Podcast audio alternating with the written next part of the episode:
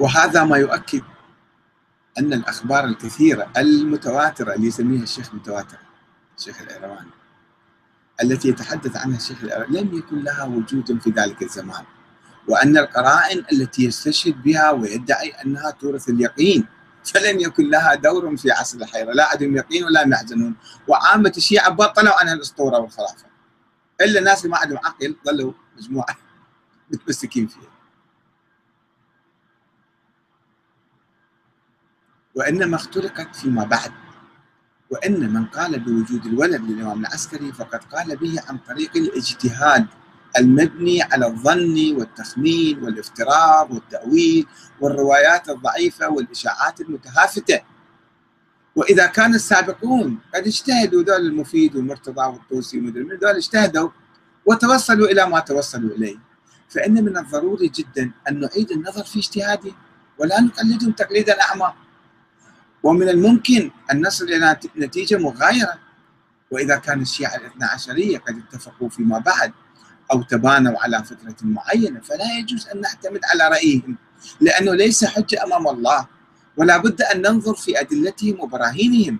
فإذا وجدناها ضعيفة وبدون حجة قوية فلا يجوز لنا اتباعهم.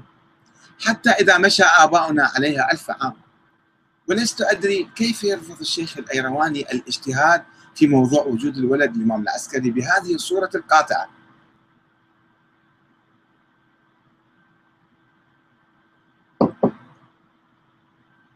هل خوفا من انكشاف الحقيقة؟ والحقيقة هدف كل مؤمن وعالم أم ماذا؟ أن تعريف الشيخ الأيرواني للتواتر صحيح اللي عرف أنه لازم يجينا من مصادر مختلفة لا نشك بها أبدا ويحصل عندنا القطع واليقين. هذا التعريف صحيح. ولكن تطبيقه على موضوع ولادة ابن العسكري غير صحيح بالمرة. لأن التواتر يفترض وجود العلم القطعي.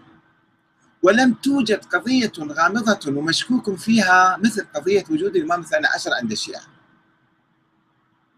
شلون صارت متواترة؟ وقد اعترف الشيخ الأيرواني نفسه بأن أول من شكك في الولادة جعفر عم الإمام المهدي. لعدم اطلاعه على الولادة. عم ما يعرف أنه هذا مولود. ووجود تعتيم إعلامي هو يقول وجود تعتيم إعلامي قوي على مسألة ولادة الإمام المهدي. نتيجة الظروف الحرجة المحيطة بالإمامة في تلك الفترة. حتى أنه لم يجز الأئمة لم يجز الأئمة التصريح باسم الإمام المهدي. فجعفر ما كان مطلعا على أن الإمام العسكري له ولد باسم الإمام المهدي. لذلك فوجئ بالقضية وأنكر أو شكك في الولادة. شوف شلون هو يقول مسألة غامضة. شلون صار عندك يقين إذا يا شيخ؟ بعد 1200 سنة. شلون صار عندك يقين؟ الدفتين بس الدفتين عقلك شلون يشتغل؟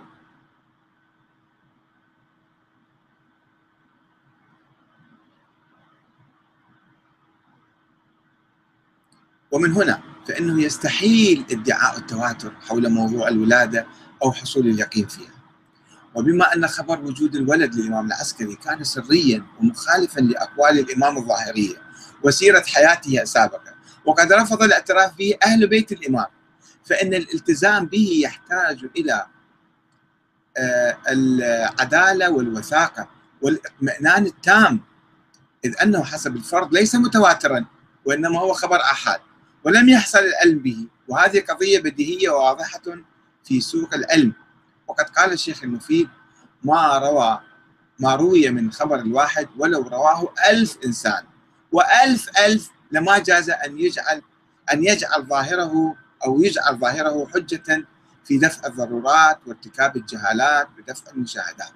هذا الشيخ المفيد يقول مو ألف رواية لو تجيبوا لي مليون رواية وعلى شيء يعني مو ما تثبت علم هذه تصبح ما تسوي الخبر متواتر.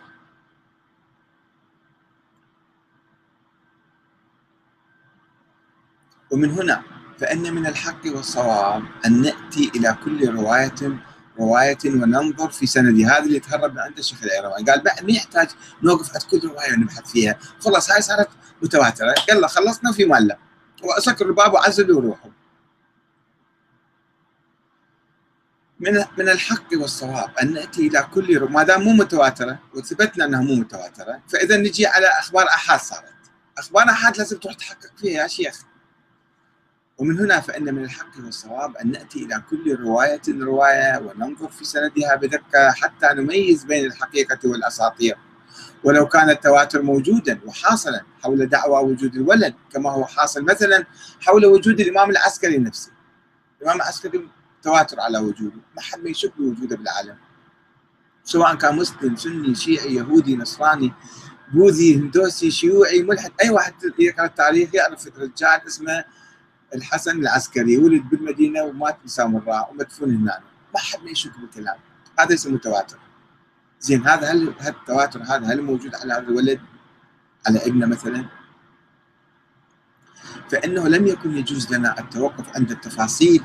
واختلافها إحنا ما سألنا ام العسكري شنو اسمها وش قد عمرها وشنو جنسيتها ومنين إجت وين راحت.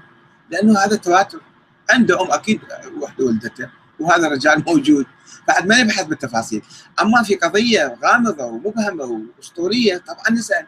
ونقول شلون تعدد الأسماء وتعدد يا سنة ولد ويا يوم ومن أمه ومن كذا هذا لازم نسأل الأسئلة هذه. تزيدنا يقينا بأسطورية الفكرة. حتى ولو كان التواتر موجودا حاصلا حول دعوى وجود الولد كما هو حاصل مثلا حول وجود الإمام العسكري فإنه لم يكن يجوز لنا التوقف عند التفاصيل واختلافها. فلو جاءتنا عدة روايات مثلا تتحدث عن أسماء مختلفة لأم الإمام العسكري لما توقفنا عندها طويلا.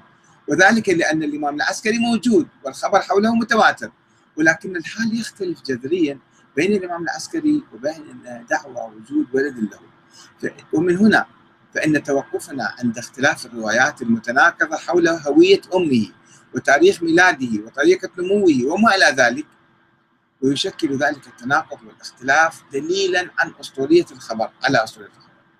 ولو أمعن الشيخ الأيرواني قليلا لأدرك أن أصل القضية غير متفق عليه ويكتنفه الشك والغموض.